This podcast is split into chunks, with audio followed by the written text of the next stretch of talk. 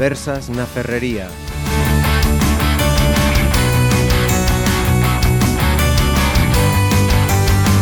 Saludos en estas conversas na Ferrería. Esta semana todos los programas tienen un nexo común, esa conmemoración del 8M, Día de la Mujer por extensión de la Mujer Trabajadora. Así que hemos reunido a cuatro voces, entiendo yo que perfectamente autorizadas, eh, conocedoras y sabedoras de, de, las cuestiones que queremos ir eh, tocando en este programa. Comienzo por mi derecha, Luisa Márquez, coordinadora de la Red de Escuelas UNESCO de Galicia. Bienvenida de nuevo a estos micrófonos. Gracias. Eh...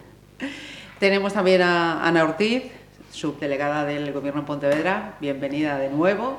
Muchas gracias, Marisa. A, a, todas os tengo que decir bienvenidas de, de nuevo, porque todas habéis pasado por estos micrófonos. Patricia Milán, portavoz do PSDG, PSOE en el Parlamento Gallego. Viceportavoz, Marisa. Vice, viceportavoz. Mira, yo ya te coloqué en estábamos el cargo. en portavoz, sí, sí, sí, sí. Yo seguía, seguía anclada. O día de entrevista estábamos en viceportavoz, mm. pero ahora portavoz. Ao revés, o día de entrevista estábamos en portavoz. Y ahora vice. Gracias, buen día. Y abogada también. Sí. Y Lucía Pedroso, que es la presidenta de la Asociación de Jóvenes Empresarios de Pontevedra. ¿Qué tal? Buenos días. Pues eh, de nuevo en estos micrófonos, en anteriores ocasiones había sido por cuestiones eh, diferentes. Cada una, creo, si no recuerdo mal, por su por cara a cara, playlist. En fin, que hoy queremos hablar de, de las mujeres. Eh, este año, además, este 2017, eh, llevaba un, lleva un, un lema. Las mujeres en un mundo laboral en transformación, hacia un planeta 50-50 en 2030. Un horizonte temporal que, según eh, la directora de Igualdad de la Confederación Sindical Internacional, al ritmo que vamos no habrá eh, igualdad entre hombres y, y mujeres eh, hasta, estima, 2069. Así como primer dato, ¿cómo, cómo lo veis? optimista, negativo o total y absolutamente real. No esperéis a aquellos de la palabra, directamente. Eu penso que é real. Uh -huh. Que a consecución da igualdade é moi complexa. Tamén quero decir así como en primeiro lugar, que eu me defino como feminista, porque creo que a ideoloxía que provocou as maiores transformacións sociais, que gracias ao traballo e a loita de mulleres no pasado e no presente estamos onde estamos, pero que temos un grande reto, e un reto que é global. Por lo tanto, hai unha senda feminista, esa senda 50-50 creo que é obriga de todas as mulleres e de todos os homes que queran apoiar esa loita e contribuir a acelerar ese proceso. Temos que romper a barreira do 2069, temos que conseguirlo moito antes. Mm. Eso é por eso digo que é necesario o compromiso e por eso digo que é o gran reto global. Mm reto global de, de todos, non solo de, de nosotras, las mujeres. No, no, de as mujeres e de homes. Uh -huh. Chicas. É que o feminismo eh, é a defensa dos dereitos humanos, ao final. Sobre todo dos dereitos humanos, sobre todo non, dos dereitos humanos, dos dereitos humanos das mulleres. Eso é o, o feminismo, non hai unha contraposición entre feminismo e machismo e por moito que al, que haya unha intención de que se contrapoñan, non é así, o feminismo é loitar polos dereitos das mulleres, iso é, como mm. dereitos humanos porque son seres humanos. Eu non son de lemas, a mí non me gusta nada, nin as celebracións de, do Día do Pai, o Día da Nai, o Día dos Enamorados, nin estas cousas. 8 de marzo é unha fecha simbólica, é verdad, e nin son de datas, nin son de lemas, pero sí é necesario que en algún momento se visibilice. O que pasa que habería que visibilizado todos os días. E esa data, 2069, non deixa de ser unha data tamén relativamente ficticia. No terceiro mundo en, hai unha brecha, non, é, non é que haya brecha salarial, é que hai moitísimas mulleres que non traballan, polo tanto, eh, non se pode establecer unha, un, unha data porque hai moitos mundos distintos a este mundo que coñecemos. O que si sí é verdade é que o traballo das mulleres é fundamental para, para acadar a súa, a súa liberdade. E iso é o feminismo, liberdade ao fin e ao cabo e aínda que haya tamén algúns e algunhas últimamente que digan que o traballo nos acabou esclavizando, pois mm, esclaviza os homes e esclaviza as, as mulleres uh -huh. ao final. Pero bueno, eh, é certo que a, a diferencia entre a situación laboral dos homes e das mulleres no primeiro mundo eh, incluso nos países máis desarrollados é tremenda. Non só en España, eh, en, en sí, Suecia, sí, sí. Dinamarca, Alemania, eh, que son referentes históricamente tamén eh, hai unha diferencia abismal. Pero en parte también igual gracias a nosotros, o sea, por nosotros, ¿no?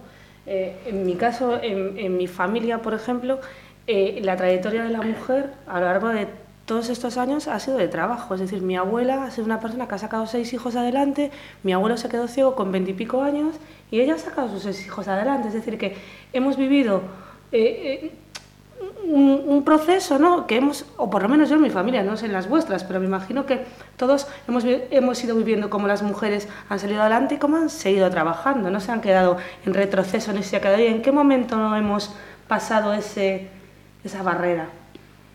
¿No? Te pregunto, porque no se ha pasado. ¿No venís de familia con madres Sí, comadre trabajadora. Madres y... trabajadoras. En mi sí, casa, sí. yo no conozco una mujer. A ver, sí, alguna se ha quedado pues haciendo las labores porque tenía que haber, sacarnos adelante alguno, pero todas hemos sido trabajadoras, o todas han sido. ¿En qué momento nos hemos quedado para que llegue esa fecha hasta el 2069? Eu creo que non nos quedamos nun sitio, é certo que no primeiro mundo ou en certos ámbitos as mulleres teñen traballo remunerado, eu penso que todas as mulleres do mundo traballan, elas son as garantes das economías familiares, da seguridade alimentaria, da búsqueda do, do máis imprescindible. Adentro e fora de casa. Sí, casa, sí, sí, sí, xa entendín, xa entendín, pero digo, quero, porque eu creo que ao mellor manexamos conceptos eh, na sociedade na que nos vivimos, non? A miña nai era traballadora de dentro e fora de casa, como nos pasa moitas mulleres na actualidade, Eu creo que temos como un falso velo de igualdade. Ás veces nos miramos a nós mesmas, en na nosa sociedade, e pensamos que todo está conquistado. Claro que hai que moitas conquistas, desde a igualdade legal que está aí, non podemos negala. E foi un avance moi importante. Eh, evidentemente, pero logo realmente a igualdade real está aí ou no. o que lle pasan a outras mulleres lle pasan en eses países que son de outra cultura ou de outra situación. entonces eu creo que por eso ás veces eh, eu si son partidaria de visibilizar. Cantas máis datas teñamos para salir á rúa, para eh, crear redes de sororidade entre as mulleres, para que falemos as unhas coas outras, creo que cada vez é máis importante, ademais, uh -huh. para un pouco paliar isto, non? As mulleres que estaban en Madrid retiran a folga, porque lles prometen onte se vota o primeiro dos puntos dos 25 reclamados e xa sale que non. Uh -huh. entonces isto non é posible, non podemos dar ningún paso atrás. E eu penso que por eso creo que é un reto global. Eu, mentras haxa unha sola muller no mundo que sufra por ser muller, discriminación, mutilación, violación, eh, incapacidade para acceder á escola. E demais penso que non o temos conquistado, por iso uh -huh. eu digo ese mundo 50-50 porque mm. ademais somos a mitade da humanidade. Sí, sí, somos sí, a mitade. Sí, sí. E estou totalmente de acordo no contigo uh -huh. en que os dereitos das mulleres son dereitos humanos. Claro. Está clarísimo. Uh -huh. O sea, eso eh, un debate que penso que xa se tería que estar superado. Sí, que Hai debería estar ir máis alá. Eh, debates que deberían estar eh, superados y que van de bruces mmm, con declaraciones como las que escuchamos la semana pasada de este eurodiputado polaco que, que, que, dice que las mujeres deben ganar menos porque son más débiles. O sea, ¿qué, qué, qué está pasando entonces? ¿De dónde van esos pasos? Sí, verdad, parece mentira que siga ya no debería que sea de estar europarlamentario. Claro, es que es increíble. Con ese planteamiento es la verdad eh, es para plantearse. Un cese, sí, pero sí, inmediato, o sea, no, no, no. puede ser cesado, eh, eurodiputado ver, y fue elegido democráticamente y por lo tanto claro. non é posible. Y, no se puede hacer podría irse el si quisese, pero O sea, es la única opción. Sí. Non hai outra, este mm. señor votaron o, moitos miles de personas e polo tanto está aí representando a unha opción política que existe e que aínda que o cese, aínda que o cese fose posible, daría igual porque como a él hai moitos outros. Todas esa, toda esa opción política ese que como a él pensa exactamente o mismo que a él. Ese é es o problema. Entón, Pero el, con iso hai que contar. O que hai que facer é intentar darlle a volta e que esa xente vexa que, que a situación non é así. Mm. Non temos nós tampouco políticos tan lonxanos que pensan máis ou menos o mismo das nosas Tamén mulleres. Os Tamén os Tamén temos, os hai, eh? pero poucos. Eh. Yo Tamén creo que eu ya non recuerdo mm. unas unas manifestaciones dese de tipo en España, sinceramente. Dese de claro. tipo non, pero bueno, de outro tipo sí. O acoso é permisible, a muller se pon en condicións, el non sei que, quero dicir. Pero vamos, eu creo que non deberíamos centrarlo en eso, eu creo que temos ese grande reto. Pareceme a min, non? Sí, sí. Creo que as mulleres políticas, xa que temos aquí a dúas que representan instituciones e eh, que mm. nos representan, as mulleres políticas teñen moito que facer tamén. E eu creo que non é posible o gran cambio se non se poñen en práctica políticas con perspectiva de xénero. Non política para mulleres, sino política con perspectiva de xénero. E eu creo que ese é o gran, o gran cambio. E aí eu demando ás miñas representantes que, que loiten por eso, para que exista ese modelo de política. Porque eu creo que o ámbito político é fundamental na transformación. Uh -huh. Respecto, onte no Parlamento, unha das cuestións que se lle, se lle plantexaron ao presidente da Xunta por parte do noso portavoz de Joaquín Fernández Liceaga foi eh, asumir o reto que están a asumir moi poucos países europeos, pero en Berlín, por exemplo, na comarca de Berlín sí que se está a facer, é orzamentar, facer orzamentos con perspectiva de xénero.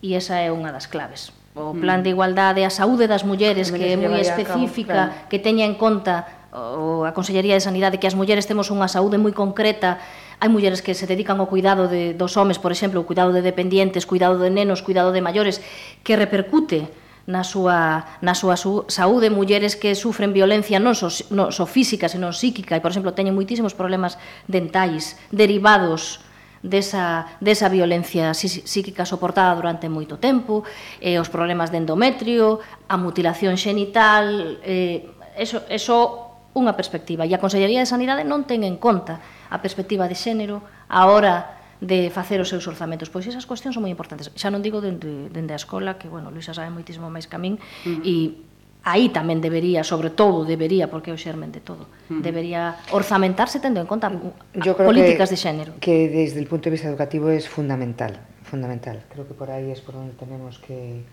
que empezar, porque como bien decía Marisa antes, eh, esto al final eh, es lo que te enseñan y lo que vives también. Y las mujeres en ese sentido sí que tenemos muchísima responsabilidad a la hora de, de, de educar también en casa, en, en, valores de igualdad. Yo tengo un hijo y una hija y en mi casa, pues, pues en ese sentido no hay diferencia mm, ninguna entre, uh -huh. entre uno y otro. O sea, partiendo de la base que, que, que, son diferentes, pero son diferentes como probablemente si tuviera dos hijas serían distintas y como si tengo, tuviera dos hijos también serían di distintos. ¿no?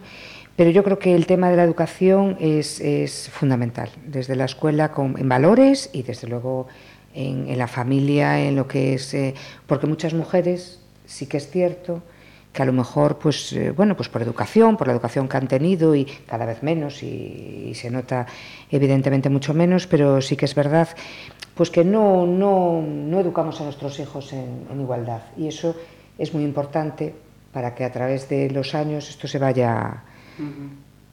bueno, Pero lo cierto es que eh, sí que hay otro retroceso, las estadísticas ahí son, son evidentes, en, en, los conceptos que manejan los jóvenes adolescentes en estos momentos. O sea, están permitiendo un, un control, eh, un, una, una, violencia que dices tú, y preocupante, en este momento, ¿cómo, ¿cómo, es posible? ¿Qué está pasando? ¿Qué hemos hecho mal?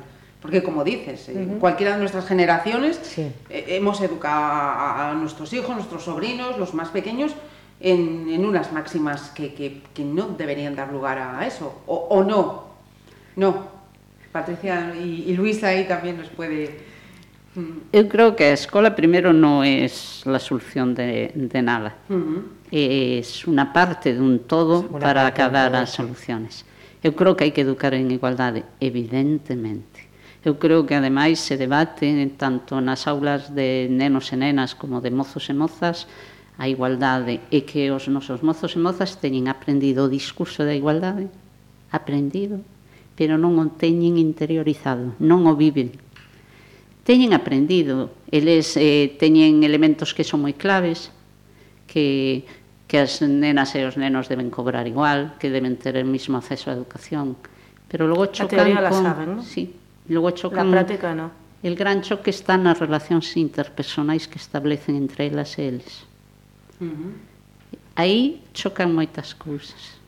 E a, o concepto de igualdade se traballa na escola, moitas veces choca coa familia, co seu entorno, coa sociedade patriarcal na que estamos a vivir. E se introduciu un elemento moi distorsionador que son as redes sociales. Exacto. É tremendo, un manexo incorrecto das redes sociales e non perciben, por exemplo, perciben clarísimamente que violencia é que me dé un empurrón ou me dé un bofetón, entón eso non me vou a consentir nunca. Pero non na contestación en a red social, non? Pero non perciben como control da súa vida, por exemplo, que lle manden 400 WhatsApps e que se cabreen porque non porque non contesta. Porque eso non o perciben como como acoso. Que realmente o que o acoso Pero entonces cortar un a retroceso, ¿no? Porque Yo creo que yo creo que mi generación de 40 años creía, creía, no, no todo, pero bueno, en parte lo que dice ella, que habíamos pasado eso, ¿no? Que hoy en día las mujeres, pues, que ellas se controlaban a sí mismas, bueno, se controlan a sí mismas, y que eh, no teníamos eh, ese machismo encima o algo que pudiese haber vivido nuestro, nuestras abuelas. Por ejemplo, mi abuela, pues sí, no, es que si miro para otro, a ver, mi abuelo lo decía, mi abuela murió con 98 años, es que si miraba para otro que mi abuelo pues que le podía decir algo. Yo creí que eso ya había pasado, pero es que ahora los que vienen detrás mía vienen con eso. O sea, tú mismo lo estás diciendo, las redes si no contestan al WhatsApp, ¿dónde estás? ¿Qué haces? ¿Por qué vas vestida así? ¿Cómo que por qué vas vestida así? Yo voy vestida como me da la gana, es que nadie me tiene que decir que llevas esos pantalones cortos y vas provocando. O sea, ¿qué volvemos entonces para atrás? O sea, porque tengo una sensación como desde hace una temporada que, que mi generación, yo digo la mía que tenemos 40, los que vienen detrás vienen peor. O sea, no que vengan mejor, es que vienen peor. Eh, ¿qué, qué hay? No debemos avanzar, las tecnologías debemos cortarlas, debemos retroceder, ¿qué es lo que, sabes? Porque es una sensación como de, que estamos facendo mal? E eu tengo un hijo, eh? O eu sea non que... creo que sea o problema en sí mesmo a tecnoloxía, eu creo que as tecnoloxías deben estar aí e deben ser utilizadas para dúas cousas fundamentales, que son o empoderamento, o empoderamento, empoderamento. e a participación democrática. Non poden ser o elemento que sirva para controlar a nosa vida, sino que sirva para acadar espacios maiores de liberdade e de participación. Para iso deben estar as redes. Os mozos e as mozas non perciben como unha ameaza a rede porque é tamén unha novedade. É unha novedade. Cando eu loitaba por se ir pola noite sin que ninguén me puxera problemas, pois non tiña unha rede social a, que me estivera controlando, é certo. Sí, o sea, non é así. No Moitos mozos e moitas mozas, nenos e nenas, perciben a igualdade como un dereito tamén, o sea, non son todos nen todas. O que pasa é que hai elementos distorsionadores que teñen que aprender a manexar e que nós, como sociedade, temos que tamén aprender, eh? porque o control se exerce e o ben natural, porque tamén os papás e as mamás se pasan a vida mandando WhatsApp e controlando. En unha escola o máis terrible que lle quites o móvil a un rapaz, aos 10 minutos aparece o papá ou a sí. mamá recuperalo. Bueno, e en os grupos o de chamas WhatsApp porque de están mares, enfermos e non aparecen. Tamén. Entón, pero, pero cambio o móvil é un elemento eu entendo que se avanzou moitísimo, eh? pero que o entorno uh o social, sí. o, pois tamén están influindo de un xeito moi importante e as mozas e os mozos viven na sociedade na que estamos, non viven nunha burbuxa en donde todo é maravilloso. Sí, é diferente que me sí. É un elemento de comunicación, pero non eu tampouco penso que que dende que apareceu apareceu Facebook, Twitter e o control se, eh, sexa maior precisamente por ese. Eh, de feito, na Universidade de Vigo hai uns 15 anos máis ou menos no Departamento de Dereito Penal están na Facultade de Ciencias do Traballo e, de, e, de, e Xurídicas están atentos, polo menos entre 15, e 15 e 20 anos, os delitos de menores sobre as súas parellas de, ne, de homes, bueno, nenos, eh, rapaces, uh -huh. sobre as súas parellas se veñen incrementando dende aquel momento, dende que se fan estadísticas e os xulgados de menores teñen así reflexado, é dicir, non é algo novedoso, é algo novedoso porque ahora sale a palestra a través de, das redes sociais, claro, pero non é ver, claro, pero non é verdad que non existise, antes tamén sí, existía. Sí existía o que pero... pasa que non se sabía, non estaba tan tan na palestra. E eu creo que sí que hai un dato fundamental e é que A responsabilidade de educar en igualdade non é só nosa, das mulleres. Colocousenos aí unha losa como eh, tu mamá e tu, era moi machista porque venía de outra época, entón tu mamá eh, te educaba de unha maneira e ora tú que ya non lo eres educas de outra. Non, non, non, non, non. É que corres... hai unha corresponsabilidade. Claro, pero eso tamén eso é que ganar parte sexa papá e papá, mamá e mamá, sí, papá e mamá, porque isto parece que é un rol só de mulleres e homes, pero que hai parellas, hai familias que non son mulleres e homes e, sin embargo, reproducen un cliché que non ten relación co sexo, sino coa función que representa cada un. E aí está, quizáis está a clave. Uh -huh. E entón é, é un problema social moi potente. Suecia ten un nivel de violencia sí. de xénero moi superior a España e iso quere decir que un país tan avanzado eh, no feminismo, nos dereitos humanos, na protección dos menores que teña un problema de violencia e de desigualdade importante, incluso superior a España, eso quere decir que é un problema social moi decalado que necesita respostas de todos os sitios, non só na escola ou non só na familia, e sobre todo respostas de verdade. Está moi ben, por iso decía que eu son contraria aos lemas e os días, porque eso na teoría está moi ben, sona moi bonito, el día de la paz, pois sona moi bonito, pero os nenos interiorizan que ese día levan unha paloma nunha cartulina pero non entenden que significa realmente o día. Lo que dice, ella, aplicar a teoría e claro, na práctica. práctica. ¿no? Hombre, eu creo que a aprendizaxe de valores prosociais non se limita a un día, quero decir que claro. o exemplo que puxeche do Día da Paz É certo que é un día, porque é o día da festa, pero é que previamente hai un traballo serio sobre valores prosociais, sobre o que significa convivencia, o respeto aos demais, a diferencia, as diferencias culturais, a todo. Quero decir que sí, sempre, sí, que no solo... por eso eu digo que, bueno, é verdade, o traballo da igualdade é un traballo de toda a sociedade, se non é, está claro. O problema da violencia de xénero, o, o que sufrimos as mulleres, e que parece que temos que solucionarnos, tampouco é así, tampouco porque é un problema que xeneraron claro, a outra parte. Claro.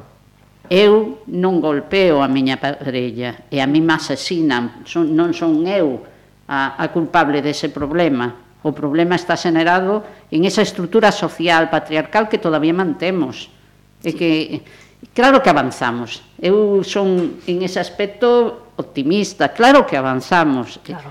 E, e, e seguiremos avanzando. Por qué? Porque temos a necesidade, o compromiso e as ganas de avanzar. Claro que vamos a sair adiante. Sí, pero, pero... cantanto é mellor. Claro. claro evidentemente, e con o menor sufrimento posible. Uh -huh porque estamos falando de sí. víctimas aquí, sí, sí, eh, no, vidas, estamos falando en 2017 de... en dos meses que están dando ya unas que es una locura tremendas. y daños colaterales importantísimos. Uh -huh. Ayer no habría... es solo la, la, no es solo, Dios mío, dicho así parece que eh, la víctima, la víctima mortal. son las víctimas colaterales que hai, que son uh -huh. muchas. Es que eu creo que son víctimas. Cando se asasina unha muller hai moitas víctimas. Moitas. Uh -huh. Aí a víctima, os seus fillos e os ten, os a súa familia, claro. as amistades que perden a presencia sí, sí, desa persoa. Sí. Eu creo que... Son muchas víctimas as que son alrededor, sí. Por iso está tremendo. Sí. Por eso é tan, Pero tan terrible. el telexornal, no sé, el telexornal, el telediario, bueno, creo que era el telexornal, con una, un caso de, no sé si lo visteis, una chica de 17 años que su pareja de 27 pues le estaba pegando en un centro comercial durante 3, 4, 5 minutos. Sí. Increíble con 17 años y la chica no presentó denuncia. O sea, vale, me parece, o sea, Estaríamos una persona miedo, ya, pero es que una persona con, con otra edad, ¿sabes? Pues no, hay no es que no, no, hay excusa, ¿no? Pero es que no logro entender que una persona de 17 años no puedes decir salir adelante y denunciar, visibilizar y Por que nos quedamos calladas? Bueno, yo porque no... tenemos miedo moitas veces, sí. porque nos destruíron es que, a autoestima, pero non estamos solas. Sí que estamos moitas veces máis solas do que creemos. Sí. O sistema non, non O si sistema funciona, non si funciona, funciona, funciona, pero non funciona. Está mejorando, está Como pode ser que en Pontevedra, se si non me equivoco, hai un policía nacional ou unha policía non 30 sei que pico, para non sei cantas 30 y pico, víctimas. Pode decir, contestar Ana que, que Bueno, como que los recursos no... Sí, Claro, bueno, A ver, los eso no- recursos- no es- no es gratis. Sí, no, efectivamente, y son los que son y hay que Claro. mejorar, eso es evidente. Pero bueno, no todo el mundo tiene el mismo nivel, sabéis que hay distintos niveles de no todas las víctimas es- están en la misma situación. Exacto. Entonces, en esas 35 personas que un policía tiene que, que estar pendiente de ellas, a lo mejor tienes un caso que también se utilizan otros, med- otros medios, porque tienes las pulseras, tienes medios electrónicos. O sea, quiero decir que, dicho así, a veces los números son muy fríos. Eso no quiere decir que no sería perfecto tener el doble, ¿eh? ojo. Y que todo lo que podamos avanzar en, en dar más protección eh, y, lo que eh, también podamos avanzar en evitar que se produzcan todos estos, estos casos, eh, mucho mejor. Pero sí que es verdad que eh, los números son fríos y dicho así dices, bueno, 35 eh, personas para un policía, bien, pero mm, hay casos, bueno, que el índice de peligrosidad para la víctima no es muy elevado. Ojo, que ya bastante tiene con todo. Claro, es que yo no sé cómo se valora Bueno, eso. O sea, es que de repente mira, alguien se levanta que el- no le el- ha hecho nada más que esto y... El problema aquí es que mm, tú, por ejemplo, hay casos que, que eres que es muy difícil Ya lo controlar. sé, por Los eso, últimos casos que tuvimos, pues eh, imagínate si es difícil cuando una persona está dispuesta a matarse con, con- con su pareja. El caso de Redondela. O sea, dices, ¿cómo evitas eso? Es, es, mm, francamente complicado o, o- o- o realmente te- la educación y la gente empieza a mentalizarse de, de otra manera o cómo luchas contra eso. No tienes unas denuncias anteriores, no tienes mm, que puedas decir efectivamente cómo valoras el grado Claro, que es que es tienes. lo que te ¿no? digo. Pero eso es como el terrorismo islámico, ¿no? O sea, vienen, se pegan una bomba, eh, eso, gente de esa que la va a ver en todos los en, sitios. En general, yo creo que la sociedad tenemos que cambiar todavía en, en esos pasos algunos conceptos, ¿no? Eh, es decir, eh, el concepto de mm, yo tengo, estoy escuchando en el piso de al lado lo que está pasando y el concepto este mm, de, de chivato, ¿no? No, perdona, yo no soy un chivato, no, no estoy ejerciendo nin- ninguna mala acción si llamo y doy cuenta de lo que está pasando. No me estoy metiendo en la vida de nadie, estoy ayudando en la vida de alguien. Yo creo que todavía ese es un concepto que pesa muchísimo. Y no lo tenemos asimilado. Creo que ademais da educación e que a sociedade se implique que é imprescindible, evidente que senón non, non hai maneira de avanzar. e que aquí é unha cuestión de prevención. Non é verdad que non sexa, que sexa sempre dificilísimo de detectar. Sempre non. Eh, na sanidade, mulleres que aparentemente non sofren ningún tipo de violencia, pois o que decía antes, problemas dentais, eh, a, a manifestación somática do seu corpo de múltiples enfermedades, son mulleres que sufren violencia psíquica ao longo de moitos anos, e iso es, os médicos poden o detectar os médicos de familia. Eh, os equipos psicosociais dos xulgados, cando unha parella se divorcia ou se separa, eh, hai equipos que no momento en que hai unha eh, unha entrevista cos membros da familia poden averiguar danse conta porque hai un protocolo de actuación e no protocolo sálelles.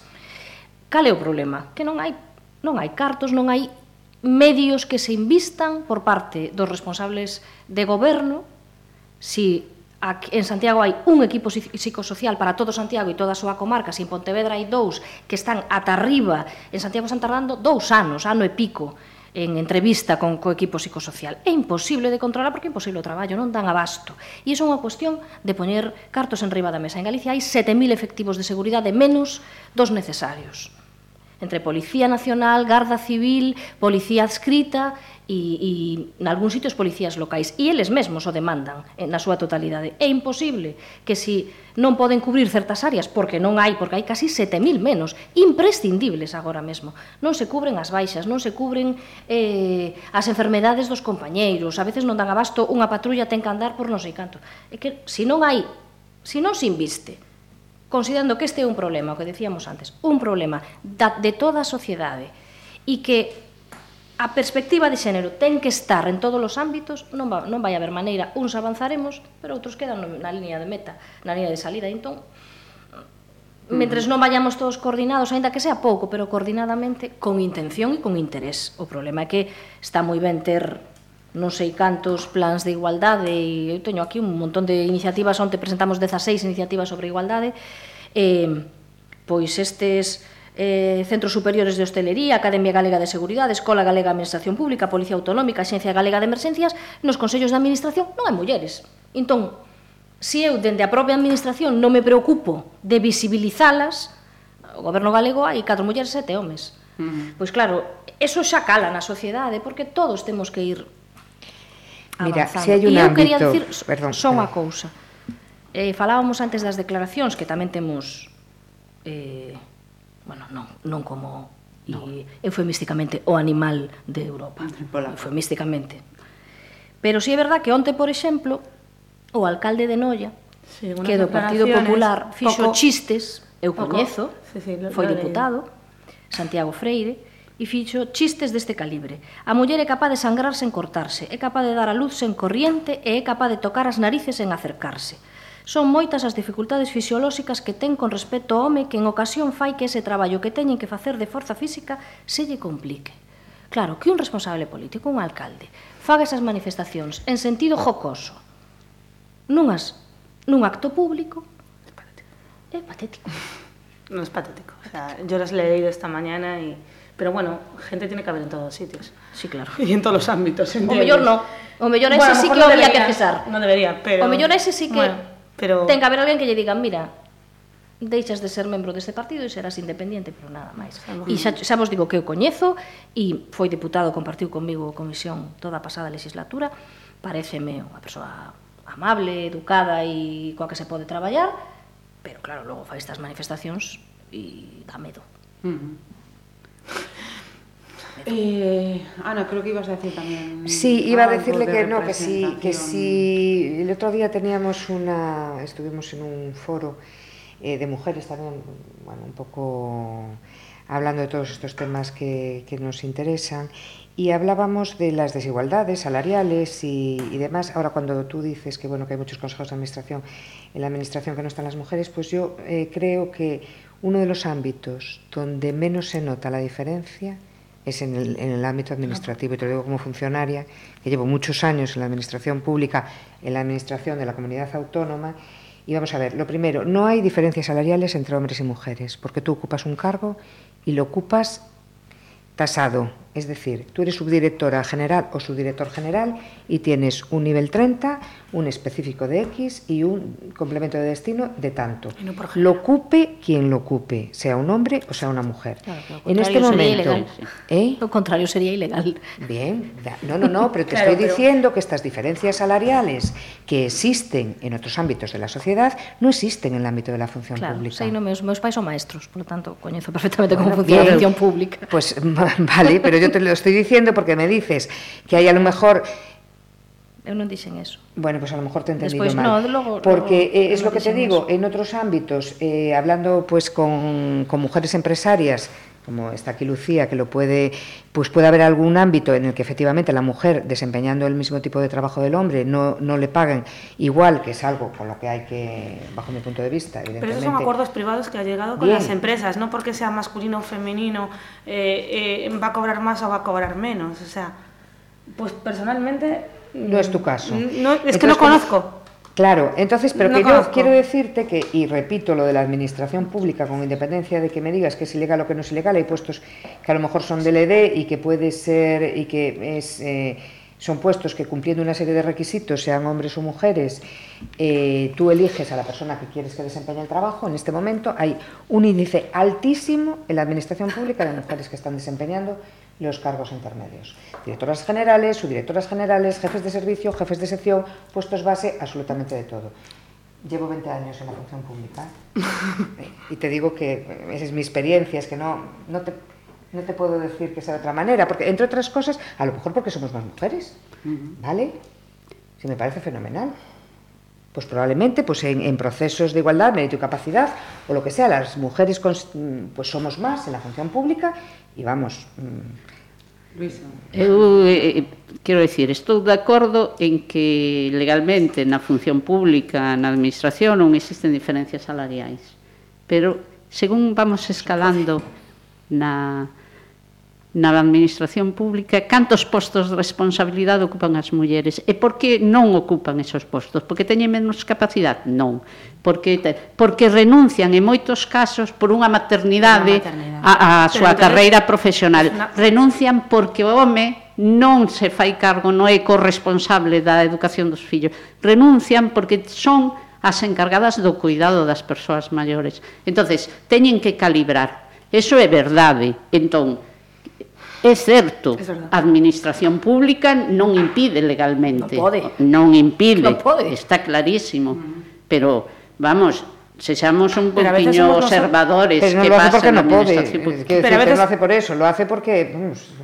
O fai porque non, non ten quen acompañe en eso, porque parece que sigue sendo responsabilidade da muller o feito do cuidado do neno da nena. Quen vai ao médico cando o neno a nena está enfermo normalmente? Eu traballaba na administración, bueno, son profesora, non? Son funcionaria, funcionaria pública.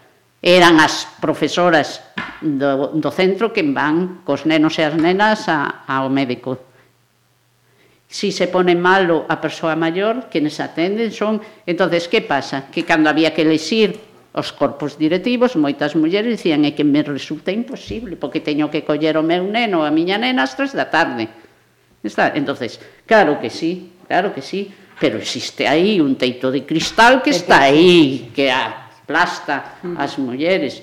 E eu creo que a igualdade ten que ir xunto coa equidade, porque senón, claro que avanzamos, pero se saímos de posicións distintas, por moito que avancemos, seguimos en posicións distintas, por iso a cada quen hai que darlle o que necesita nese plan de igualdade. Mm. E por iso eu insisto, perspectiva de xénero, E aparte, de, evidentemente, de, de medidas políticas, de, políticas con perspectivas de género. Mm, quería saber tamén vuestra opinión eh, sobre mm, si realmente es una, una medida, que hay que decir que ya se aprobó en 2009 con un gobierno de Zapatero, pero que no se ha hecho efectiva por falta de presupuestos hasta enero de este año y es esa ampliación del permiso de paternidad hasta un mes. Es un, un, un chis, un chascarrillo, vamos a decir, en lo que realmente se necesita? O... A ver, eh, eu antes, bueno, por aclarar, eu non me refería ás funcionarias. As funcionarias e os funcionarios legalmente non poden ser diferentes en canto ao salario que cobran porque sería ilegal e quen fixese esa diferencia estaría prevaricando e, polo tanto, non poderían. Eu referíame aos postos de dirección que son designados para eses postos. Os de dirección, os que son designados consellos de, de dirección, consellos de administración, órganos reitores, a eso é o que me refería eu, que son postos de libre designación e que concurren varias persoas e normalmente concurren máis homes ou son, ou son homes na, na, mayoritariamente designados, a eso é o que me refería. Eso pasa na xustiza. E eh, hai sete mulleres que neste día eh, estaban explicando datos e decían, por exemplo, eh, a base das, das funcionarias, das traballadoras da xustiza, das xuíces, das xuízas, das magistradas, das abogadas, son mulleres agora mesmo. Non superan o 60 o 70% en todos os sitios. No Tribunal Supremo hai 13, o 13%. Solo hai unha muller que presida un Tribunal Superior de Xustiza, en Valencia. De 50 presidencias de audiencias provinciais, só hai nove mulleres que sexan eh, as presidentas da audiencia. No Tribunal Constitucional, vamos designar a dous homes, hai dúas mulleres, son 12. O 50% da abogacía son mulleres e só 16% representan os socios dos, de, cada, de cada un dos despachos. Só 12 de 83 abogados de, decanos, de deca, decanas son mulleres, decanas de colexios. É dicir, e podería ir así ata, ata mil e decir, os postos na empresa pública de funcionariado é indiscutible. A administración pública non pode ser outra maneira. Os postos de dirección de, de, de, de decisión son ocupados por homes. Na empresa privada tamén, tamén. E ainda que Lucía diga que é discutible, os de dirección, eu teño amigas que traballan na empresa privada son son son abogadas de de primeira de primeira división e costoulles chegar e a maioría dos seus compañeiros son homes. E as mulleres as mulleres non queren porque se retraen, precisamente por esa idea de teño que asumir máis cargas e... Pero eso é unha decisión que ha asumido ella. Sí, o sea, pero unha no... decisión non eh, colectivamente no, no hai un peso, hai unha mochila que levamos en riba pero eh, dende hai un peso e unha mochila que hai que ir dejándola e claro, pero necesitas yo o soy... que decíamos antes Pero cambio. necesitas, yo soy empresaria y mi marido es funcionario. Y, y mi marido se ocupa muchísimo más de mi hijo de lo que me ocupo yo. Y créeme que soy de las personas más criticadas porque parece que soy mala madre. Para nada, mi marido trabaja seis días y libra cinco. Claro. Y esos cinco días mi marido puede recoger a mi hijo a las cinco y media, a las seis y media y ocuparse de mi hijo. Y yo no, porque a lo mejor tengo que salir de mi trabajo a las 10 de la noche porque tengo una urgencia a las 9 o tengo una urgencia a las 8. El otro día fui a un cumpleaños, algo ridículo os parecerá. Fui a un cumpleaños y resulta que ahora son los sábados o los domingos, llevo al niño y está allí el niño y estoy esperando bueno, pues para agarrar a la madre la parte que me corresponde del regalo del niño. Y de repente dice, ah, está por ahí el, bueno, mi hijo. Y dice, ¿y, y, y con quién vino y tal? Yo estaba esperando y dice, no, lo voy a traer el padre. ¿Has visto alguna vez a la madre? O sea, pero con un tono de... ¿Dónde está su madrecita? Te entiendo, ¿Sabes? Lucía, yo tengo dos hijos y te puedo asegurar que mis horarios son como los tuyos y la crítica es Claro, exactamente claro. Y en la ese tuya. momento me, le digo, la madre soy yo. ¿Sabes? Salí y ya iba como salir como un toro, ¿no? Me dije, oh, vamos a retar, que tampoco conozco a las madres y deben pensar que soy como una fiera.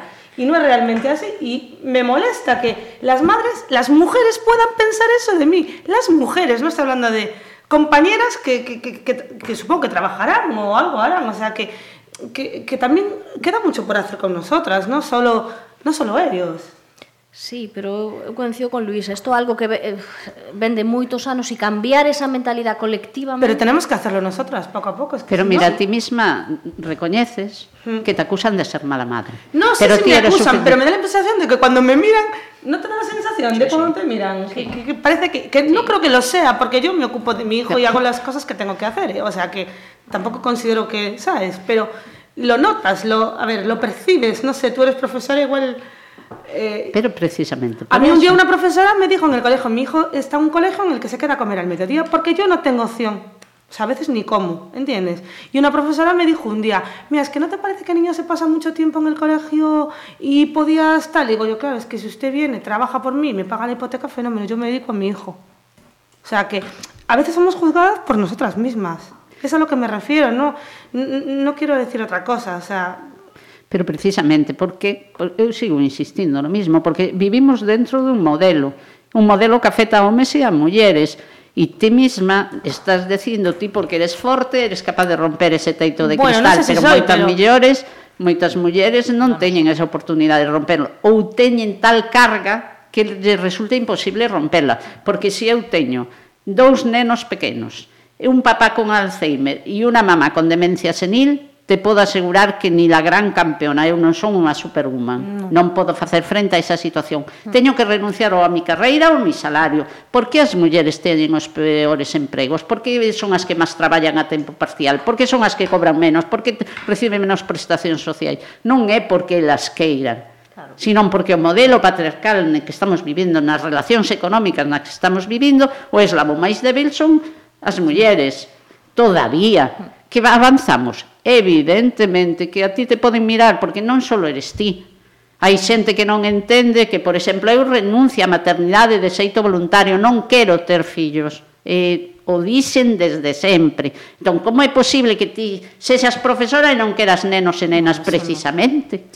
Precisamente, porque estou rodeada de mozos e mozas cos que disfruto, non teño nada contra eles, cos que aos que adoro, cos que me encanta eh, acompañalos no seu crecemento persoal. Pero entonces eres unha mala muller. Home, non fai moito tempo un exministro dixo que as mulleres que non tiñamos fillos e fillas éramos mulleres incompletas. Eu, a verdade que me mirei no espello, que era o que me faltaba, non atopei ninguna nada, ninguna carencia. Y, de hecho, hace, Entende. hace escasamente ya hay un movimiento que viene de fuera ya que nos ha sí. puesto ya su tilde ya estamos ya con el sello apuesto a aquellas mujeres que decidimos non tener, no tener hijos. E que aquí ao final o que se acaba discutindo é o dereito á miña liberdade e á miña elección. Eu teño que ter o dereito a elexir o que eu queira con absoluta liberdade. E o problema está en que hai mulleres que non son libres para tomar esa decisión. Mm. Non son libres físicamente, sino libres psíquicamente. Por eso hai mulleres que pensan que hai que a muller está pode traballar, por suposto que sí, pero como un complemento. E entón, el vai ganar sempre máis, ela vai ganar menos, porque é o complemento da familia. E claro que pode traballar, pero complementariamente e logo ten que cuidar os fillos, ten que cuidar a ese papá que ten demencia senil e non sei que. E todo eso en 24 horas é imposible evolucionar e cando unha evoluciona moito hai críticas por parte deles e delas, pero esas mulleres non o fan conscientemente, non me imagino, Porque... sino que teñen esa mochila aí sí, sí. de paternalista e machista aí en riba que que lle, ao, ao final están condicionadas. Uh -huh. Elas e eles e todos. Por eso o problema é un problema tan de fondo. Uh -huh que é moi difícil de solucionar. Vuelvo a hacer un segundo intento con, el, con, esa, con esa normativa. También ese es un parche más o, o ese mes no es más que una anécdota. Bueno, es un avance. Todo lo que Yo creo que es un avance. avance. Un avance. Pero mentras a a responsabilidade non sexa o 50%, é dicir, as mulleres necesariamente, despois de, de parir ou de ter unha cesárea ou que sea, teñen que descansar, e o seu corpo vai, vai o pedir, é imprescindible. Hai mulleres que non o fan, cuidado. Hai mulleres que non o fixemos. Eu tiña unha profesión liberal e eu aos 20 días do meu segundo parto estaba en sala porque non podía suspender o xuicio, porque non mo suspendían. Sin máis, non había baixa naquel momento e a xuiza que estaba no xulgado non me suspendeu o xuicio e tuve que celebrarlo. Quero dicir, pero eso ocurre, eso ocurre na vida real, ocurre. Ahora, eso non é eh, non é xusto, non é xusto. Pero logo, se a, a baixa fose idéntica, os dous obligatoriamente tuvesen que estar de baixa, non habería ningún tipo de discriminación nunca, porque se o empresario Lucía sabe máis desto camín, ten que decidir contratar unha muller ou un home e sabe que vai estar no caso de, de dunha maternidade eh. catro meses de baixa un e outro a coger al hombre Probablemente, por esa mochila. Ella se lo digo, va a cogerlo. Por esa, por esa es que mochila. me dedico a geriatría y el 90 y pico por, 98% de mis trabajadoras son mujeres, con lo cual ya ni me lo planteo. Pero te puedo asegurar que esa es la, es que es la Porque hay discusión esto aquí- incluso mental en, ca- familiarmente, o sea, familiarmente, o sea, que, que, que es así, o sea, que no, pero eso es algo que también Hai aquí, sí. esto aquí, Un montón. aquí na cabeza para porque El esto- software que llevamos ahí Exacto. instalado, que todavía un mes é un avance, está claro, sin pero resetear, un claro. mes para un neno non se cría nun mes. Claro, es que es Ni en un punto, tampoco. es una Es anécdota. anécdota. Sí, Claro. es anecdótico. Ujú. é un avance, pero é necesario con moitas moitas máis cousas. Si, sí, hai que resetear o cerebro. Sí. E, sobre todo, resetear a sociedade. Uh -huh. Hai que escribir o libro blanco da igualdade na sociedade. Sí. E por iso eu digo que hai tantas responsabilidades compartidas. É responsabilidade de todas e todos, pero hai xente que ten máis responsabilidade. Uh -huh. Hai xente que está ao frente das nosas sociedades que teñen unha maior cota de responsabilidade. Teñen que legislar con perspectiva de xénero.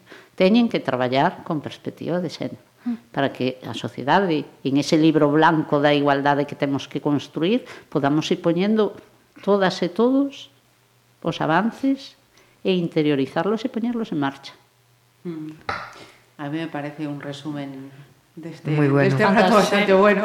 Fantástico. Pues eh, Luisa, Ana, Patricia y Lucía, muchísimas gracias por habernos acompañado en estas conversas. Gracias, Gracias a ti. a ti.